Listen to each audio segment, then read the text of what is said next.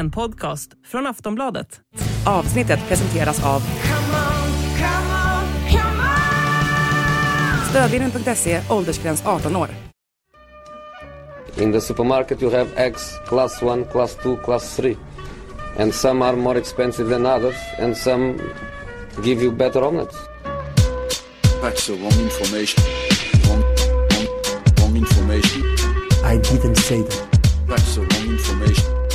Do you think I'm an idiot? Wrong, wrong, wrong information. Look at me. Varmt välkomna till Sillypodden denna torsdags eftermiddag. Makoto Asara heter jag.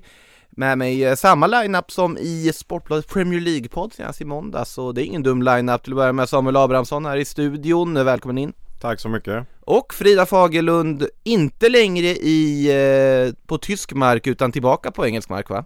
Ja, tack och lov. Nu är man tillbaka. Fast, fast det var väl ganska trevligt där ändå eller?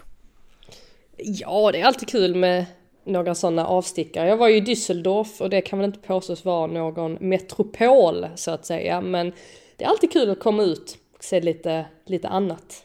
Kort formrapport på svenska landslagsdamerna här i VM-uppladdningen. Ja, om den ska vara väldigt kort så kan man bara säga att eh, de avslutade verkligen på topp. Ehm, 0-0 mot Tyskland, men en väldigt gedigen och stabil insats mot eh, världstvåan får man komma ihåg att de är. Mm. Som sagt, det är ju ett eh, VM som väntar i Australien och Nya Zeeland här i sommar och eh, förberedelsen för det är ju såklart i full gång. Det är väldigt spännande att följa följa de svenska landslagsdamerna där. Dock ska vi inte prata så mycket om dem här idag. Idag ska vi till att börja med tänkte jag gå igenom lite vad som har hänt i Champions League-spelet som vi har sett här under veckan och såklart gå in på lite diverse silly-rykten på vägen också. Och eh, det är väl ganska svårt att börja någon annanstans än på Anfield med tanke på det som hände i tisdags. Eh, ja, Frida, till att börja med, hur har reaktionerna i England varit efter ja, den här ja, överkörningen som det blev i slutändan för Liverpool mot Real Madrid? Ja, nej, men det blev ju... Det finns väl en förödmjukande eh, stämning i Liverpool just nu. Eh, Jamie Carragher pratade om att den an era has come to an end och det har man väl känt, sig, eh, känt på sig under säsongens gång att Liverpool inte är samma Liverpool som det var för, för några år sedan när de nästan var som en skoningslös maskin. Och jag tyckte väl om man ska eh, liksom, hitta något sånt där eh, citat eller någon text efter den här matchen som har varit väldigt träffande så tycker jag att Michael Cox på The Athletic eh, sa det väldigt bra när han menade på att när Liverpool hade den där 2-0 ledningen så spelade de som om att de låg under med 0-2 och sen när de låg under med 2-5 så spelade de som att de hade ledningen 5-2 och det tyckte jag var väldigt bra sammanfattat för att det var ju faktiskt exakt den känslan man hade när man såg den här matchen. Eh, Liverpool som ju verkligen rivstartade den här matchen och då kände man ju att det här kan bli 5-0 för Liverpool och vändningen på säsongen på något sätt mot ett svajigt Real Madrid men Real Madrid kan man ju inte riktigt räkna bort i de här sammanhangen, eller hur Samuel? Nej, det var ju en överkörning i början faktiskt. Real gick ju inte alls. De har ju haft svaga första halvlekar ett tag här nu Real. Men eh, det är som eh, förra eh, våren blir det ju. När de eh, gjorde sina omöjliga vändningar. Nu var väl detta ingen sådan på det Det sättet. var en utdragen vändning. Ja, och eh, jag tar mest med mig egentligen Vinicius Juniors insats om man ser liksom det spelmässiga från den här matchen. Han var ju helt outstanding tycker jag. Eh, riktigt jäkla bra. Jag hade ju lekstuga mot eh, Trent på högerkanten där. Och eh, ja, det var ju sen 5-2 på Anfield. Det är ju första gången någonsin Liverpool släpper in så många mål på hemmaplan i Europaspelet. Eh, det säger ju en del. De har ju spelat några matcher i Europa på, på den där arenan också så att Ja, nu tyvärr. De, denna eh, liksom eh, åttondelsfinalmöte trodde jag kanske skulle vara den jämnaste inför. Nu känns ju den stendöd inför returen faktiskt. Det ska ju till ett mirakel nästan värre än det i Istanbul 2005 för att de ska vända på det här. Så det är ju lite trist ändå att det inte känns alls som att det kommer leva till matchen på Santiago. Det, Men det är, det, skön- det, ja. det är ju det som, som är intressant med att du säger att det är oftast kaotiska matcher för Reals del. För jag tycker det har varit känslan kring Liverpool de senaste åren. De har ju också stått för en del sådana där matcher. Jag tänker på Barcelona och, och så eh, genom åren. Så att för ofta så blir det väl lite sådär att Liverpool, de har på något sätt ett sätt att spela fotboll på. Och det finns några undantag, till exempel mötena med, med Man City nu de senaste säsongerna där de lite grann ibland har, har bytt spelstil med Man City, vilket ju är intressant i sig, men ofta så har de ju bara ett sätt att spela fotboll på. Och när det på något sätt inte funkar så hamnar de i de här jobbiga lägena där de måste vända ett ganska stort underläge. Men till skillnad från tidigare säsonger så är ju känslan att de inte kommer göra det nu enbart av den anledningen att de ser de är inte samma gäng som de var för något år sedan. De har inte det självförtroendet. De har inte den variationen. Eh, ja, alltså inte det stabila mittfältet, inte det eh, stabila försvaret. Så det är så många komponenter som, som inte klickar för dem och som gör att man absolut inte kan se alltså, hur de ska vända detta. Ja, och då kommer vi egentligen till eh, elefanten i rummet på något sätt, den här diskussionen som ändå på något sätt florerat. Den som egentligen tidigare ändå har skjutit ner ganska fort, den om huruvida Jörgen Klopp är rätt man att träna Liverpool. Eh, den behöver väl ändå kanske på något sätt tas. Jag vet att du har väl en eh, åsikt i den frågan Samuel? Ja, jag tycker ju faktiskt att det är dags att göra sig av med Klopp. Kanske inte nödvändigtvis här och nu, men i alla fall till sommar liksom. Jag kanske inte ser att det skulle betyda så mycket för säsongen om man förändrar här nu för att jag tycker att säsongen är rätt körd egentligen. Champions League kommer de åka ut, li ligacup och FA-cup ute, ligan, okej, okay, kan nå fjärdeplatsen mm. men inför säsongen var det ju Liverpool enda laget vi sa egentligen skulle utmana City. Nu är det väl Arsenal United istället. Och jag tycker liksom, du nämnde ju det Frida, att de kan ha bara ett sätt att spela fotboll.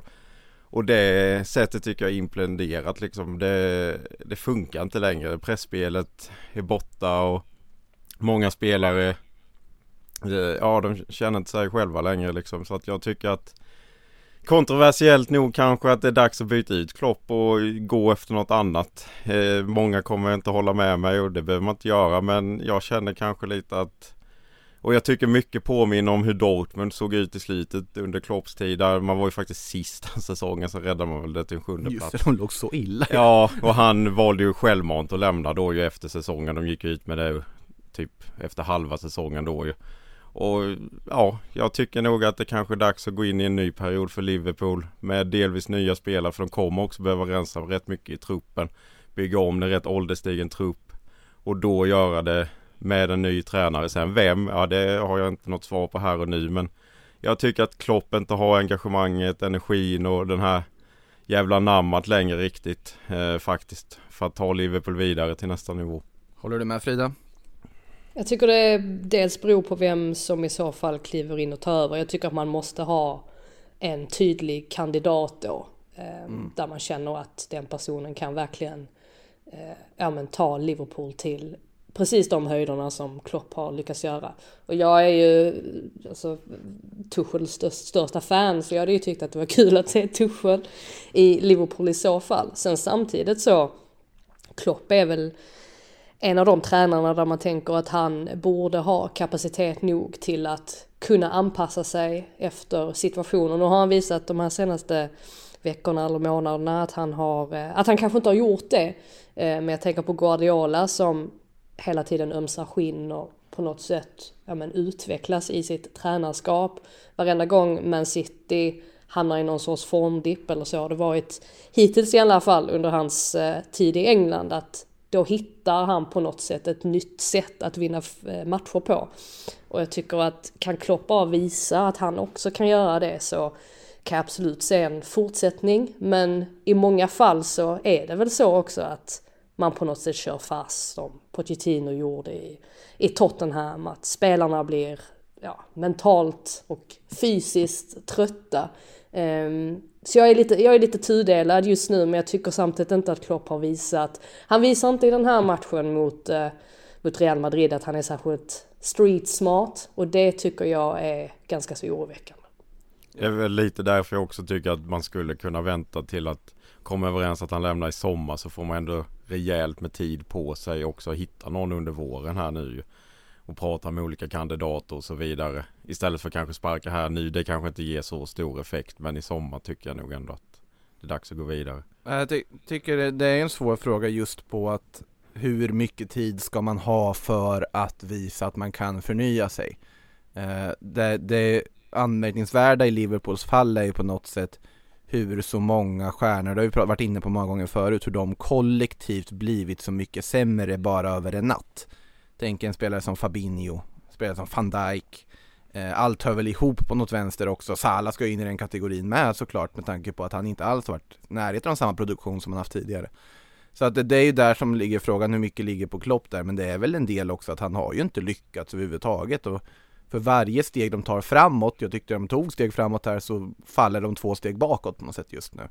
Och det är ju väldigt oroväckande tendens, så att tidigare kände man att nej, men diskussionen är Alltså vad ska man säga, den är nästan för trigger happy i början när man började prata om att Klopp ska bort för att de hade en dålig resultat. Nu börjar den faktiskt vara aktuell. Eh, på ett annat sätt med tanke på att de tar ju inte de här stegen framåt som de behöver göra. Sen om de löser fjärdeplatsen och allting, absolut. Jag kan se också en eh, framtid där man ger honom en möjlighet att faktiskt försöka sätta sin prägel på nästa variant av Liverpool med det material som man vill få in och så vidare. Men vi, vi får se vad, vad det renderar i. Eh, material vill de i alla fall ha in. Det, såklart ryktas det ju mycket värvningar in och så vidare för, för Liverpool. Senaste är ju att Josko Gvardiol ska vara på tapeten. Eh, kroatiske landslags mittbacken som man ska vara väldigt intresserad av. Gvardiol har ju själv varit ute och sagt att hans drömklubb är Liverpool. Han är ju Liverpool-fan sen barnsben och eh, medgett det också i en intervju med kroatisk TV. Men frågan är ju som sagt, de kommer inte kunna få honom i sommar. Känns det ju som och det kanske inte ändå är det en mittback de behöver främst. Kan ju bara säga att han var ju väldigt nära Chelsea. Var det, var det nu i somras eller? Nu i somras, ja. Ja precis, det sades ju nästan att det var klart, det var det ju inte. Vad, känns typiskt att det kommer rykten om Guardiola efter att han har gjort en bra match mot Man. City och Ja, och efter att. Liverpools Alltså, försvar det är- sett ut som det gjort. Ja. Det- Det är som att någon, någon har suttit på sin kammare där och bara oj, ja men just det, Guardiola är ju bra. Och sen så slänger man ihop någon sorts, eh, ja man, twi- man twittrar någonting om det och honom till Li- Liverpool. Men absolut, jag menar vi såg ju här nu att Eh, Joe Gomez hade ju, han hade ju en fruktansvärd andra halvlek. Eh, jösses eh, vad ångestfyllt det var. Fram tills han klev av. Eh, så att det, Eh, Så absolut, det är väl inte den positionen man tänker först och främst att Liverpool eh, behöver förstärkning på sett till att ja, men de har Konate och jag menar van Dijk ska ju vara bättre än han har visat de här, de här eh, senaste matcherna. Jag menar, eller senaste matcherna kanske det inte är men i alla fall i, i mötet med Real Madrid. Men eh, så att därav så känner man ju att det är mittfältet man borde fokusera på. Men jag tror absolut inte att man ska, man ska inte bortse från, från mittbackspositionen för att både Matip och Joe Gomez de har haft det riktigt jobbigt den senaste tiden. Leipzig har ju varit, bortsett från några matcher. Leipzig har ju varit tydliga med vad de tycker om de här ryktena i alla fall. De har ju gång på gång gått ut och liksom sagt han är inte till salu, han ska ingenstans. Det var väl senast igår eller i, tror jag de var ute och sa liksom att ja han drömmer om Premier League och han kommer få gå dit men det blir inte nu liksom utan Ja. det kommer dröja liksom. Marco Rose var ju, tränaren var ute Ja. och sa det och det, det får ju osökt in oss på nästa match i vårt, vårt körschema för att Josko Guardiol eh, klev ju upp där på inlägget från Marcel Halstenberg och nickade distinkt in 1-1 för eh, Rasenballsport Leipzig hemma mot Manchester City. En match med två ansikten får man väl säga, första halvlek där ja City tålmodigt, kontrollerat, eh, ja, styrde allting och sen på något sätt så bjuds ju Leipzig in i den här tillställningen och får ändå med sig ett bra resultat. Eh, dock den enda poängen som de fyra Premier League-representanterna eh, tagit hittills i det här åttondelsfinalspelet i Champions League, värt att notera också. Eh, Frida, vad, vad säger du om City? Jag själv när jag satt och tittade på den här matchen kände väl att, alltså, kunde de inte gått lite mer vågat offensivt för att punktera matchen?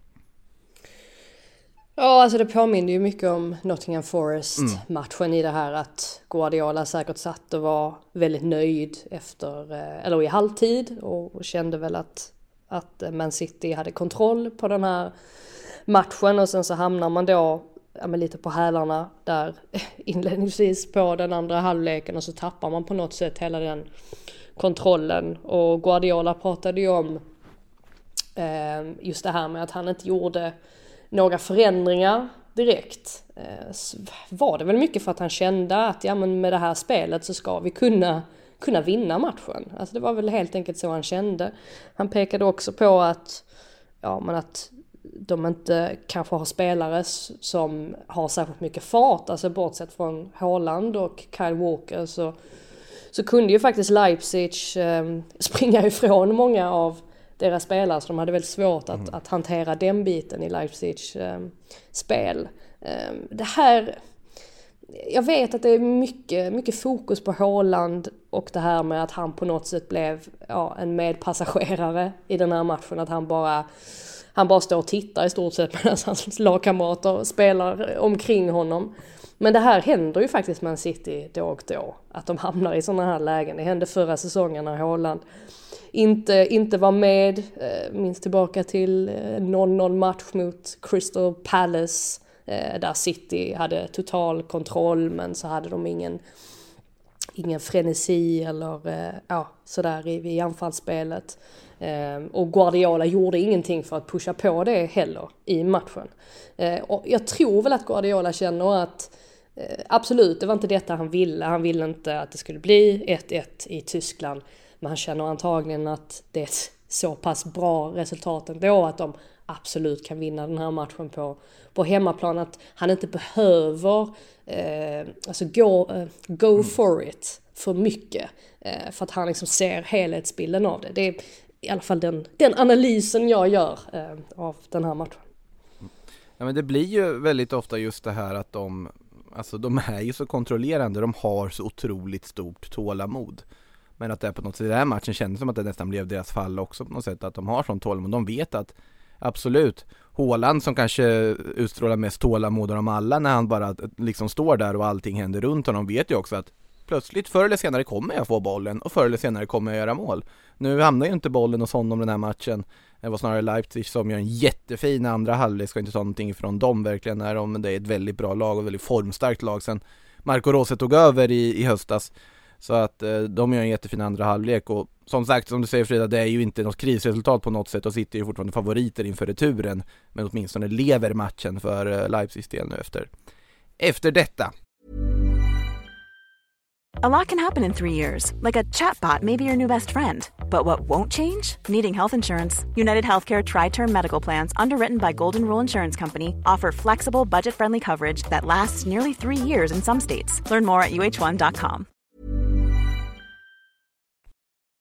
Ett eh, lag, annat tyskt lag som inte lever lika starkt inför sin retur är Eintracht Frankfurt och då går vi över på de italienska succén som vi ändå har sett under, under de här dagarna för eh, serieledande Napoli tog en 2-0-seger i ny masterclass från Victor Osimhen, eh, ja, Kvaratskhelia missade i och för sig en straff men han gjorde en assist också. Och en klack dessutom var det ju. Ja, han, de ser ganska bra ut Napoli. Ja det är ju förbannat imponerande faktiskt. Det är ju, man har ändå varit lite så här, de har ju sprungit över de flesta lagen i Serie A nu, Salernitana och Sassuolo och så vidare. Och det är ju en sak såklart. Det är, det är klart att matcherna ska vinnas men det är ändå så här, det har ändå varit lite så här, kommer de klara det i, i Europa nu? Alltså visst i höstas kör de över Liverpool och så vidare men det är en sak nu det är slutspel. Och visst Frankfurt är kanske inte det starkaste laget som är kvar i turneringen men ändå bara komma dit och bara blåsa dem av banan egentligen. 2-0 var ju underkant. Eh, som du säger.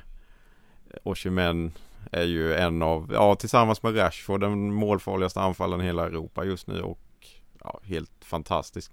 Kvaradona hade inte kanske sin bästa match men eh, ja, kollektivet är också så starkt just nu i Napoli så att det har liksom inte så stor betydelse att han missar en straff. De bara fortsatt eh, mala på liksom. Och sen blir det inte enklare för Frankfurt när deras stora stjärna då Kolomoani som har varit superb den här säsongen blir utvisad och missar nu eh, returmötet. Så det här Känns ju nästan lika dött som Liverpool Real i retur. Det ska till ett mirakel där också för att tyskarna ska vända. Ja det, det ska ju sägas här också. Det, det, det måste ju varit ganska många Premier League-scouter på den här matchen med tanke på vilka spelare som var på planen. Eh, och Simen har ju liksom ryktats väldigt mycket till eh, diverse toppklubbar. Det pratas hela tiden om huruvida han kommer vara till salu i sommar eller inte. Och en annan sån spelare är ju Randall Kolomoani som eh, Frankfurt tog in gratis från Nans och gjort supersuccé i Bundesliga. Han använder väl inte strålkastarna till på bästa vis då. Sen, sen absolut det går kanske att diskutera röda kort, jag vet inte vad ni tycker. Eh, det är, man förstår ju varför det tas, om vi säger så. Eh, men ja, oavsett Man har också, också sett domare som kanske hade nöjt sig med gult. Ja, men, men det, är, vad- det är vad det är där och i alla fall och sen Ja, Eintracht eh, får väl eh, fokusera på att eh, ändå tampas vidare i Bundesliga där de ändå är med i toppen också Där är ju en otroligt spännande titelstrid i Bundesliga som pågår just nu med Tre lag på samma poäng i eh, toppen och dessutom då Eintracht och Leipzig och de som jagar kort där bakom eh, Jag vill faktiskt stanna vid Eintracht på en grej Det är inte det vanligaste man stannar vid vid Sillypodden kanske men eh, jag vet inte om ni noterade vad eh, Daichi Kamada har fått för eh, sign-on bonuserbjudande för att stanna i Frankfurt? Nej, det har jag missat. Jo, det har, jo. Det, det var ju märkligt. Ja, men fortsätt. Ja, det, det kan man väl lugnt konstatera. Han har i alla fall erbjudits ett eh, Nobelpris i kemi Jaha. för att stanna och givetvis inte då att han ska ha gjort någonting för, eh, för liksom eh, forskningen inom kemi utan det är ju då 2021 års vinnare av Nobelpriset Benjamin List 55-årig tysk kemist som erbjudit eh, Kamada sin eh, Nobelprismedalj om han förlänger. Eh, Alltså, för, min, ja, min, min sån här eh, direkt, jag fattar Ja. att det här är lite, sagt, sagt, lite, lite skämtsamt sagt från Lists sida. Men samtidigt, är inte hela grejen med ett Nobelpris med äran snarare än att själva Alltså själva, jag vet inte ens hur ser en sån, sån där medalj ut? Alltså Nobel, själva Nobelpriset. Jag menar, det är väl inte det man vill ha, eller? Nej, men det, det är ju en bild på Nobel, eller vad heter jag säga, silhuett där om jag inte minns helt fel. Eh, ska Jo, inte- det lär väl vara Ja. det. Ja. Ja, eh, sen, ja absolut, ja, det är det jag tänkte också att liksom, vad är riktigt meningen med att äga någon annans Nobelpris? Det är Mm. ungefär som att vinna en OS-medalj och sen säga att ja men eh, du kan få den här. Jaha, Ja men till och, med, jag- till och med det är ju en, mer av en grej för då kan man ändå återkoppla den, ja men till exempel eh, vem ska man ta, Nils van der Poel när han vann. Så Mm. kan man ändå, det finns ändå en, ett, eh, ett minne, ett sportsligt ögonblick att återkoppla den medaljen till. Men vad ska man återkoppla ett Nobelpris till? Åh, Nobelpriset i kemi, man bara jaha, vad är det? Då måste man ju vara väldigt insatt i kemi, tänker jag, för att man ska tycka att det är någonting att ha. Där, jag minns den där forskningen, den där rapporten från 2021, den var fin.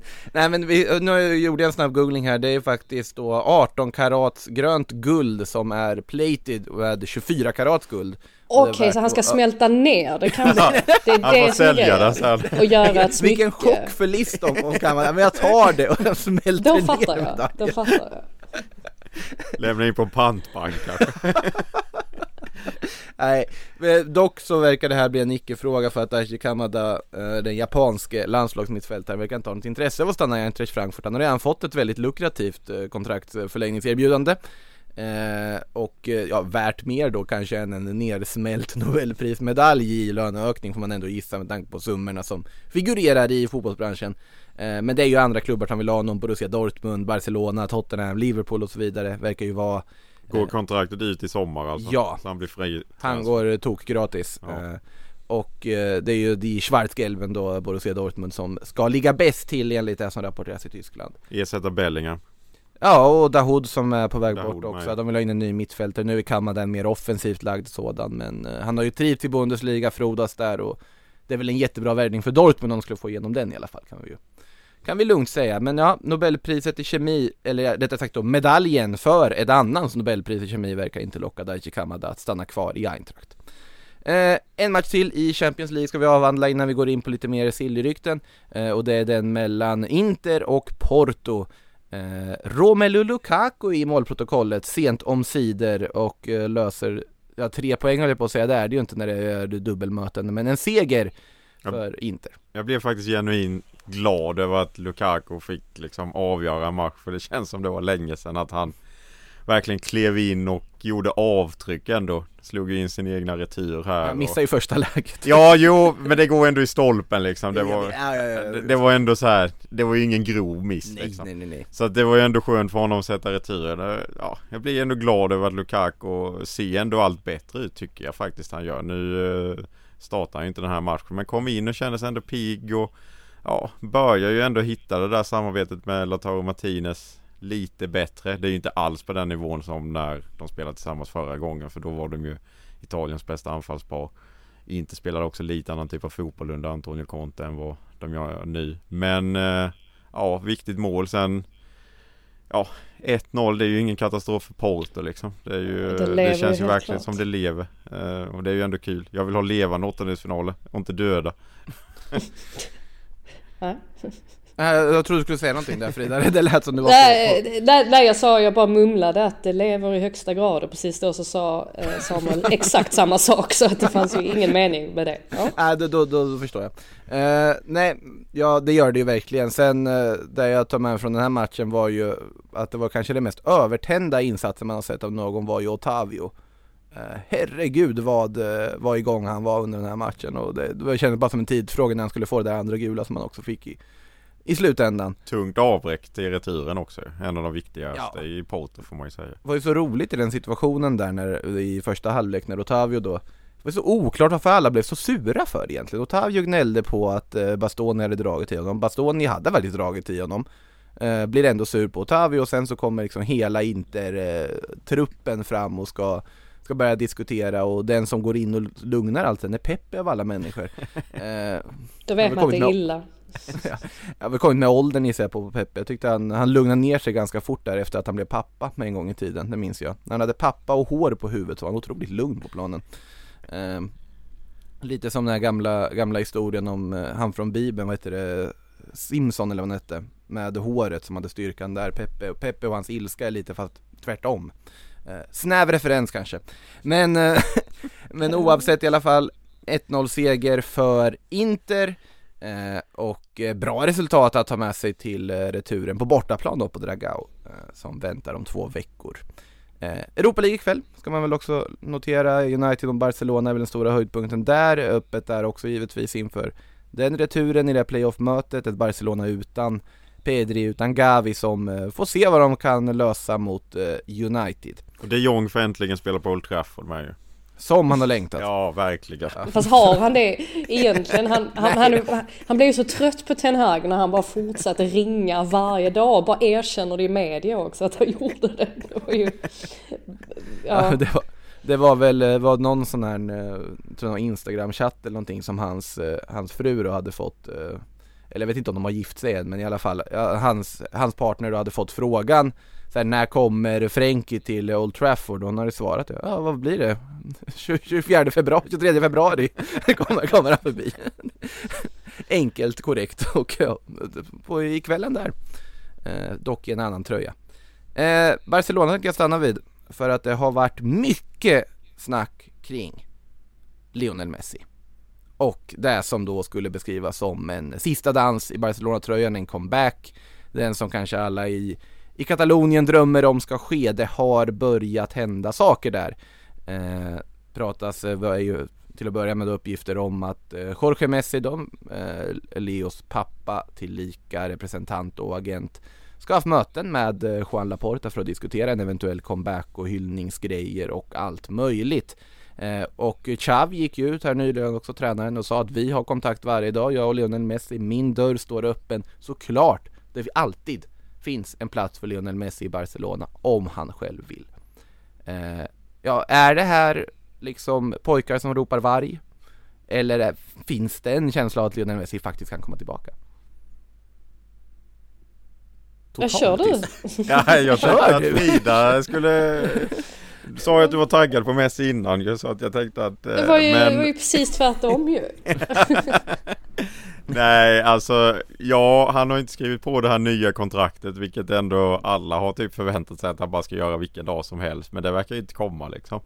Eh, Men det Nej alltså med tanke på Barcelonas problem och sådär så tror jag ändå bara att det förblir en dröm liksom Hans brorsa vill ju uppenbarligen inte att Messi ska tillbaka för då måste ju Laporta försvinna. Då var han ju ute och sågade men det var ju bara ett skämt sen i Mm. efterhand och, och så vidare men Nej alltså det känns ändå som att Jag förstår liksom inte hur de ska få till det ekonomiskt. Det är väl framförallt där att Messi skulle kunna tänka sig återvända till Barcelona. Det är, det är klart att han vill det tror jag egentligen. Han vill ju aldrig lämna liksom.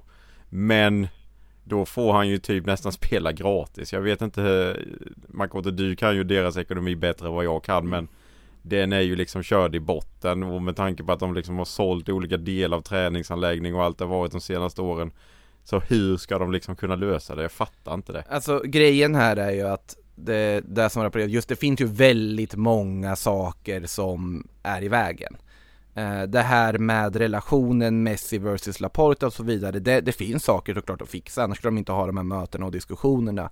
Men det, det är ju sånt som går att lappa ihop. Eh, grunden som alltid har rapporterats som har varit ganska unison från alla, även har varit väldigt mycket olika uppgifter kring Messis framtid överlag. Det unisona i det har ju varit Messi vill stanna i Europa, han vill till ett sportligt projekt som kan utmana de största titlarna. Och där tycker jag ändå att man får anse att Barcelona på något sätt har blivit igen, eller kan bli igen åtminstone. Eh, sen, sen var det ju också, det tidigare rapporterades att det var bara en alltså formalitet att han skulle förlänga med Paris Saint-Germain. Sen var det ju eh, Barca, Silly-experten och han Twitch-streamaren Gerard Romero som var ute och sa att nej, Messi blir inte kvar. Alla andra ansedda journalister från Argentina och Fabrizio Romano och alla möjliga sköt ju ner det här. Sen har det ju sakteliga varit fler och fler franska rapporter om att nej, just nu lutar det åt att han lämnar. Fotmercato var ute med, L'Equipe har skrivit också att eh, sannolikt så kommer inte han bli kvar i PSG om det står sig som det är nu. Och sen då så kom ju det här om att Barcelona är aktuellt, Catalonia Radio var ju också ute och rapporterade. Argentinska journalisterna som har koll på Messi, de säger ju direkt att nej, nej, nej, det finns inte, det är fortfarande PSG som är närmast. Så det är ju väldigt många olika viljor som styr de här rapporterna på ett eller annat sätt. Men också, man kan tycka om man vill om Gerard Romero, men när han är ute och pratar Barcelona-relaterade saker, då brukar han ha no vara någonting på spåren. Eh, och, i, och i Messis fall såklart, när Xavi är så pass öppen som han är, och säger det, vi pratar varje dag såklart jag vill ha tillbaka honom, det är ju en tydlig, du får komma hit om du vill. Sen då, ekonomiska aspekterna. Eh, det finns ju, snackas ju om att liksom trotjänare som kanske ska förlänga som så här Jordi Alba, Sergio Busquets, de är redo att förlänga ifall Messi kommer, kommer tillbaka. Men de är redo att förlänga på alltså så lite lön som det går för att man ska frigöra utrymme för Messi och det här gäller ju spelare som Sergio Roberto och så vidare också om de skulle förlänga. Och Messi skulle gå med på en ganska rejäl lönesänkning bara för att komma tillbaka med. Men det är ju jättesvårt att se hur man ska få igenom det här. Det blir ju mycket hit och dit när det till och med har varit så att La Ligas ordförande då, Javier Tebas vill ta Barca till rätten för att de registrerade Gavi i vinterfönstret. Det är ju där vi är, där vi har en liga i Spanien som vill ta sina klubbar till rätten för att de registrerar spelare. Eh, det, det är en helt bizarr situation egentligen. Och så har du ju också hela det här som pågår med eh, Caso Negreira. Det vill säga Alltså de uppgifter om att Barcelona ska ha, ja, mutat domare vet jag inte om man ska säga, men i alla fall betalat en tidigare vice domarbas för diverse tjänster och det här håller ju fortfarande på att nysta sig. Alla spanska klubbar gick ju ut och ville ha klarhet från ligan att det här ska utredas, ni måste ta reda på vad som har hänt. Eller ja, alla förutom två. Barcelona och Real Madrid som inte tyckte att det här var någonting att orda om. Och då kan man ju tänka sig, undra vad Real Madrid har som inte har kommit upp till Eh, men ja, som sagt, det är många parametrar, men jag tycker absolut inte att det är läge att stänga Lionel Messi Barcelona-dörren. Den är öppen. Det är känslan i alla fall. Det är tillräckligt trovärdiga rapporter om att den faktiskt är öppen. Sen om det leder till det eller inte, det återstår ju att se. Annars hade han väl också skrivit på ett kontrakt för PSG om han hade känt liksom att det inte fanns en chans. Han vet nog inte än. Nej, sen finns det ju också det här ryktet om Saudi eh, faktiskt. Då är ju Inter Miami närmare. Ja, det finns ju också det. Det finns ju båda svängarna liksom. Men det hade ju varit oerhört tråkigt sportsligt om man skulle gå till MLS eller Saudi. För han håller ju fortfarande oerhörd nivå liksom. Så att han är ju för bra för att spela i de där ligorna. Vet ni vem som verkar vilja flytta till Saudiarabien? Wilfried Zaha. Stämmer bra. Ja, Frida, lägg ut texten. Nej men eh, Sa han har ju varit väldigt länge i Crystal Palace som alla vet. Bortsett från den här lilla avstickaren till Man United som inte gick så bra. Det känns som att vi har pratat om honom vid varenda transferfönster mm. sen 2019, 18, ja, säkert ännu längre än, än så egentligen. Eh, och ja, jag blev ju lite förvånad ändå över de här eh, eh, över de här rapporterna då. Jag vet inte riktigt hur, hur pass trovärdiga de är men det ska alltså vara att, jag tror till och med att det är tre olika saudiska klubbar som eh, intresserade av att knyta till sig honom. Jag förstår inte riktigt varför han skulle gå dit nu. Jag tycker han är han är fortfarande ung, eh, lika ung som mig. Eh, jag tror han nyligen fyllde 30. Eh, så att, ja, jag, jag vet inte. Alltså han, han är ju en enorm klubbikon i, i Crystal Palace. Eh, han är ju den bästa, den bästa de har haft någonsin. Eh, och jag känner väl lite att det kanske är lite tidigt att göra den typen av övergång. Däremot så har väl tåget på något sätt gått för honom sett till att han ville väldigt länge få en flytt till en större klubb. Jag tror att eh, hans sliding doors moment var förmodligen när han kunde ha hamnat i Arsenal för att Emery ville eh, värva honom. Eh, men så blev det ju inte, så blev han kvar i Palace. Eh, så att, ja, det här, det här kan säkert ske i framtiden men jag vet inte riktigt om, om det kommer att ske nu nödvändigtvis. Det var ju Evening Standard, i alla fall jag läste det i uppgifterna om Saudi-klubbarna som ska vara intresserade av att värva på fri transfer. Det är ju Al-Hilal, Al-Ittihad och givetvis då också Al-Nasser som Cristiano Ronaldo spelar i och, och Wilfred Zaha uppges ju då vara intresserad av att åka dit och bli affischnamn nummer två för den saudiska ligan bakom Cristiano Ronaldo och på något sätt, jag vet inte, sola sig i hans glans höll jag på att säga. Eh, Det ska ju till och med vara en nivå där AC Milan också ska ha varit intresserade men att Zaha föredrar en flytt till Saudi istället. Det kan man ju, kan man ju säga man vill om. Alltså om det är sant så säger det ganska mycket om Wilfried Zaha som person. Jag vet inte, jag har alltid varit lite, alltid varit lite sådär ehm, för... Alltså han, han har varit väldigt viktig för, för Palace eh, genom åren. Han har gjort väldigt mycket för Palace. Men han har ju aldrig på något sätt varit den spelaren som har tagit ansvar och varit en sorts ledare i, i Palace. Trots sin ålder nu, att han är så rutinerad och han på något sätt borde ja, men staka ut vägen för de här yngre spelarna i Palace. Jag, jag tycker inte riktigt att han har de egenskaperna. Så på så vis är jag väl inte förvånad över att han är, att han är intresserad. Men jag tycker ändå att han är, han är för ung för att göra den övergången. Jag förstår inte riktigt varför han själv skulle vilja, vilja göra det. Nej, alltså, men det, det ligger ju något i det just att han ryktas ju bort varje fönster av en anledning. Det är ju det. Eh, sen absolut att man kan anse att han är för, varit för bra för Palace stundtals så att det är väl det som också haft en del i alla rykten men samtidigt uppenbarligen inte varit bra nog för att någon klubb ska välja att betala pengarna som krävs för att köpa loss honom. Så att det är därför han också på något sätt blivit kvar. Eh, nej, jag hade inte blivit förvånad om det här faktiskt skulle resultera i någonting till sommaren. Faktiskt inte. Nej, nu är han ju för gammal för att gå till en riktigt stor klubb också. Alltså 30 är ju ingen Ja, ålder men om så, Milan, men ja, för PL storklubbar så anses han för gammal liksom ändå tror jag. vi kan ju lita på att Nottingham Forest kommer vara där i alla fall och Ja, ge ja, ett försök. Eh, så är det. Säkert Everton också. De Det ville ha han för borde något de. år sedan. Borde de. Ready to pop the question? The jewelers at BlueNile.com have got sparkle down to a science with beautiful lab grown diamonds worthy of your most brilliant moments. Their lab grown diamonds are independently graded and guaranteed identical to natural diamonds, and they're ready to ship to your door. Go to BlueNile.com and use promo code LISTEN to get $50 off your purchase of $500 or more. That's code LISTEN at BlueNile.com for $50 off. BlueNile.com code LISTEN. I alla fall, eh, en annan spelare som det ryktas en del kring, hans kontrakt går i och för sig inte ut nu till sommaren utan först sommaren 2024, men det är ju Mason Mount i Chelsea. Eh, mycket snack kring hans framtid nu i och med att kontraktsförhandlingarna med Mount ska ha lagts på is tills vidare och man ska återuppta dem efter säsongen. Mount är inte nöjd med det första budet som Chelsea ska ha gett och då har det intensifierats kring eh, då ryktena och kopplingarna till Liverpool. Eh, Även United har jag sett. United har man också sett, ja precis. Men det är väl kanske främst Liverpool som eh, Mount har kopplats till. Om, om vi börjar så här och sätter liksom så här, okej vi säger att Mount då faktiskt säljs i sommar. Vart hade ni helst velat se honom? Ja, jag tycker, det är, ja, jag tycker det är jättesvårt. Mm. Ehm, jag tycker det är svårt att bedöma Mason Mount just nu överhuvudtaget för att Mm. han är ju faktiskt i en formdipp. Alltså hade det här varit för... De här ryktena började ju komma redan för, ja men det var ju länge sedan, det var ju tio månader sedan kanske. Och då var ju supportrarna i, i uppror i stort sett och tyckte att ja, men Mason Mount, han är ju one of our own, klart att han ska stanna. Men nu har ju på något sätt hela debatten svängt lite grann eftersom att Mount inte har levt upp till förväntningarna.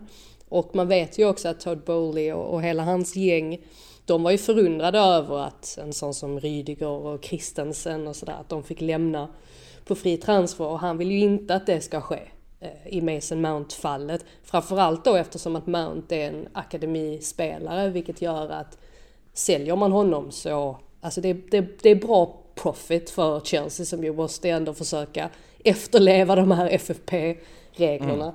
Och dessutom så, så som jag har förstått det så handlar det inte nödvändigtvis om att Mount vill vara den bäst betalda spelaren. Det, det handlar inte så mycket om pengar som det har gjorts gällande i vissa rapporter utan det handlar snarare om att Mount inte vill skriva på ett sånt här jättekontrakt på 7-8 år som de delar ut i Chelsea just mm. nu. Eh, och det kan man väl ha förståelse för. Eh, det finns ju ändå en risk med att skriva på ett, ett sånt långt kontrakt. Eh, ja, det, det, är svårt att omförhandla eh, om det är så att man skulle känna att man faktiskt då förtjänar mer pengar.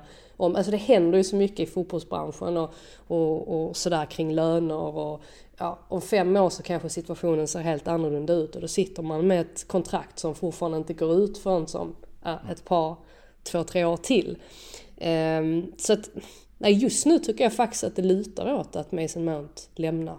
Och om man då ska eh, återkoppla till vilken, vilken klubb som vore bäst så ja, lutar kanske lite mer åt Man United egentligen just nu. Men eh, nej, jag tycker att det är, en, det är en svår situation och det är faktiskt en situation som jag inte riktigt trodde att de skulle hamna i. För att det är ju Reece James och Mason Mount på något sätt som har sett som de här fanbärarna och de framtida kaptenerna mm. och nu, ja, nu är det väl Reece James, det är inte lika mycket Mason Mount längre. Ja men det, det är just där också att eh, jag kan förstå honom. Han ser ju också vad det är som värvas in. Och om han skriver på ett långt kontrakt till 2030 han får sig en liten formdipp eller får fel tränare som inte vill spela honom och då sitter han plötsligt i ett läge där han är låst på ett kontrakt har säkert en väldigt bra lön också som är väldigt svår att flytta på. Han blir väldigt svår att flytta på i allmänhet och riskerar att bara fastna i sin karriär. Han vill ju spela fotboll och växa som fotbollsspelare och vinna saker och göra allting som ingår i det och behålla sin landslagsplats och allting. Så att jag kan förstå att han ändå funderar över sin tillvaro.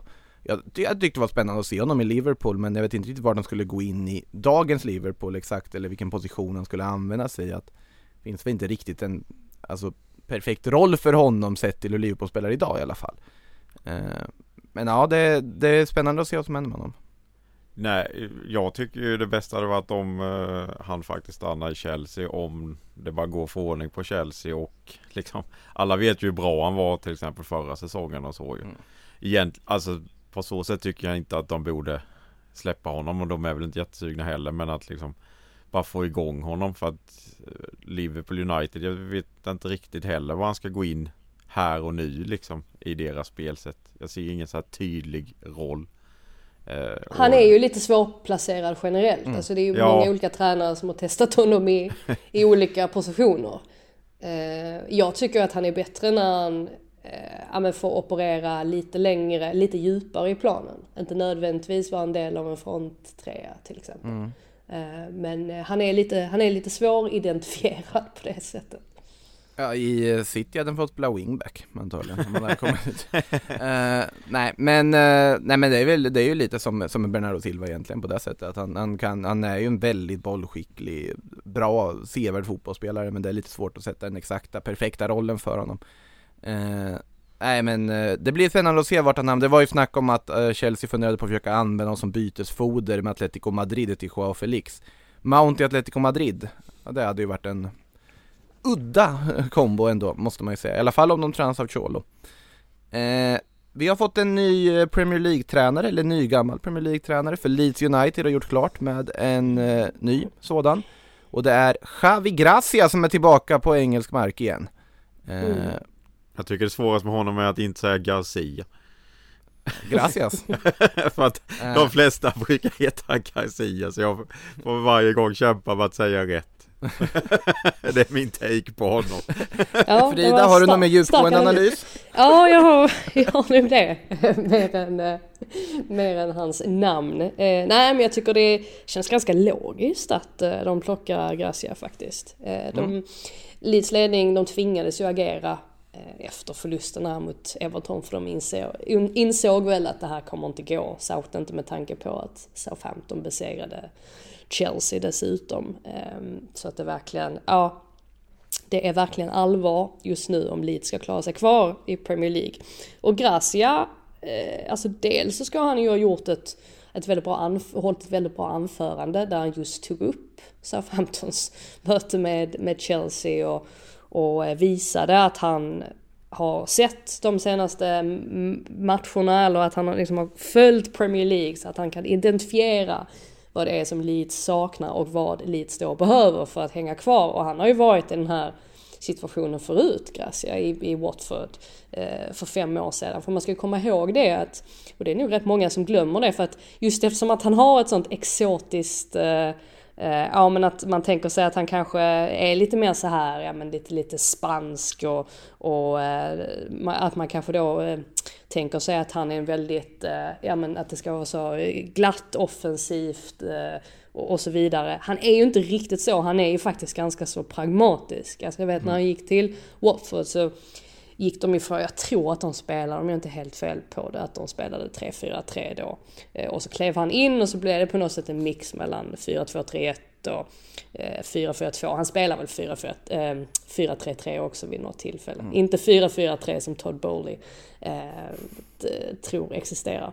Men eh, så att jag, han, han har varit en i den situationen för han klarade, han är ju en sån här, att det kommer inte hända någonting spektakulärt, det tror jag inte. Men han har visat att han är väldigt duktig på att eh, ja, men hålla sig där i mitten av tabellen och hålla bottenstriden på gott avstånd. Och det är ju det Leeds behöver här och nu och det är väl därför också han har skrivit på ett så kallat, detta tycker jag är det mest intressanta med den här över anställningen, att han har skrivit på ett flexibelt kontrakt.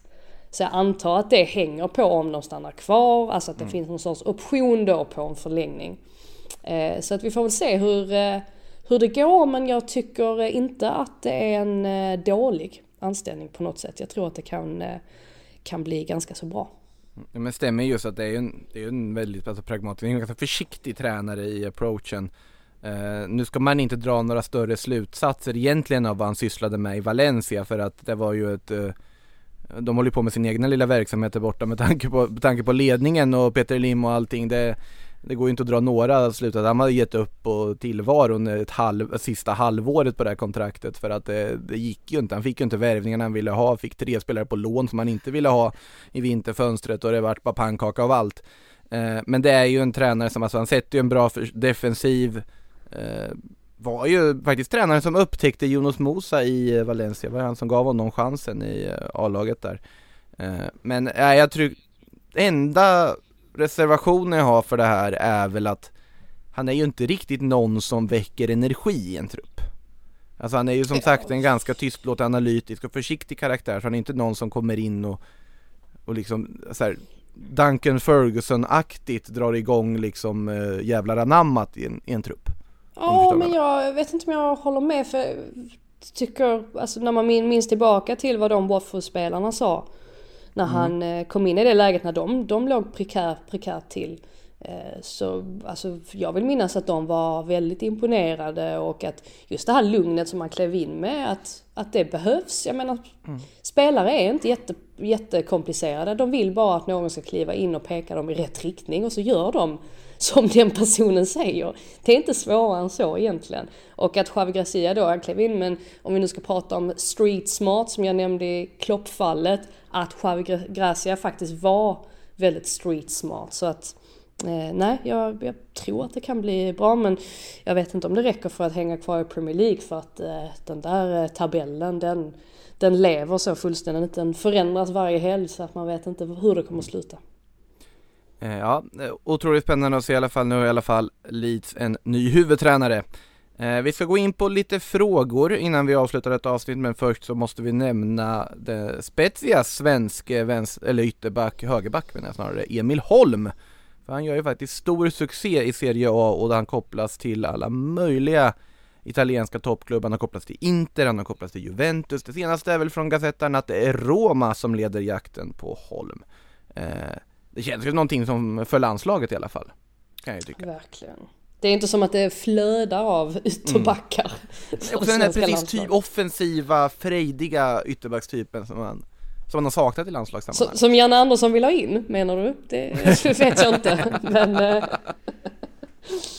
men eh, nej, absolut, jag håller med. Man Så såg ju ändå inte att det var Emil Holm som kanske skulle bli nästa svensk i en storklubb i Serie A då. Det, det såg man inte komma för när han lånades ut till, eh, ja vilket danska lag det nu var, från Göteborg. Jag har tappat vilket lag han var i. Skitsamma. Han var, inte Han var i Danmark i alla fall en runda och eh, liksom har ju gjort. Sönderjyske var. Sönderjyske var det ja. Ja, gjort succé sen ju. Det hade ju varit förbannat kul om man hade gått till en toppklubb. Kanske inte som en startspelare men i alla fall som en rotationsspelare i flera av de här lagen skulle han kunna göra nytta i. Ja, det, det här är ju på något sätt också en alltså, fördel för vissa så här, till exempel då svenska utlandsproffs som kommer från, från mindre ligor att i och med att de toppklubbarna inte har råd att handla på den översta hyllan så blir det att de tittar inom sin liga och att gå till en klubb som Spezia till exempel är inte dumt karriärdrag om du lyckas där för då kommer toppklubbarna i Italien, de klassiska storklubbarna att eh, ha ögonen på dig. Så att, eh, Nej, spännande för Emil Holm och vägen mellan Sönderjyske och ja, potentiellt Roma eller Inter eller Juventus då alltså är inte så, så lång som man kan tro. Eh, Emil Alfons Holm heter den för övrigt. Om Ja. någon undrade, bara en sån sak.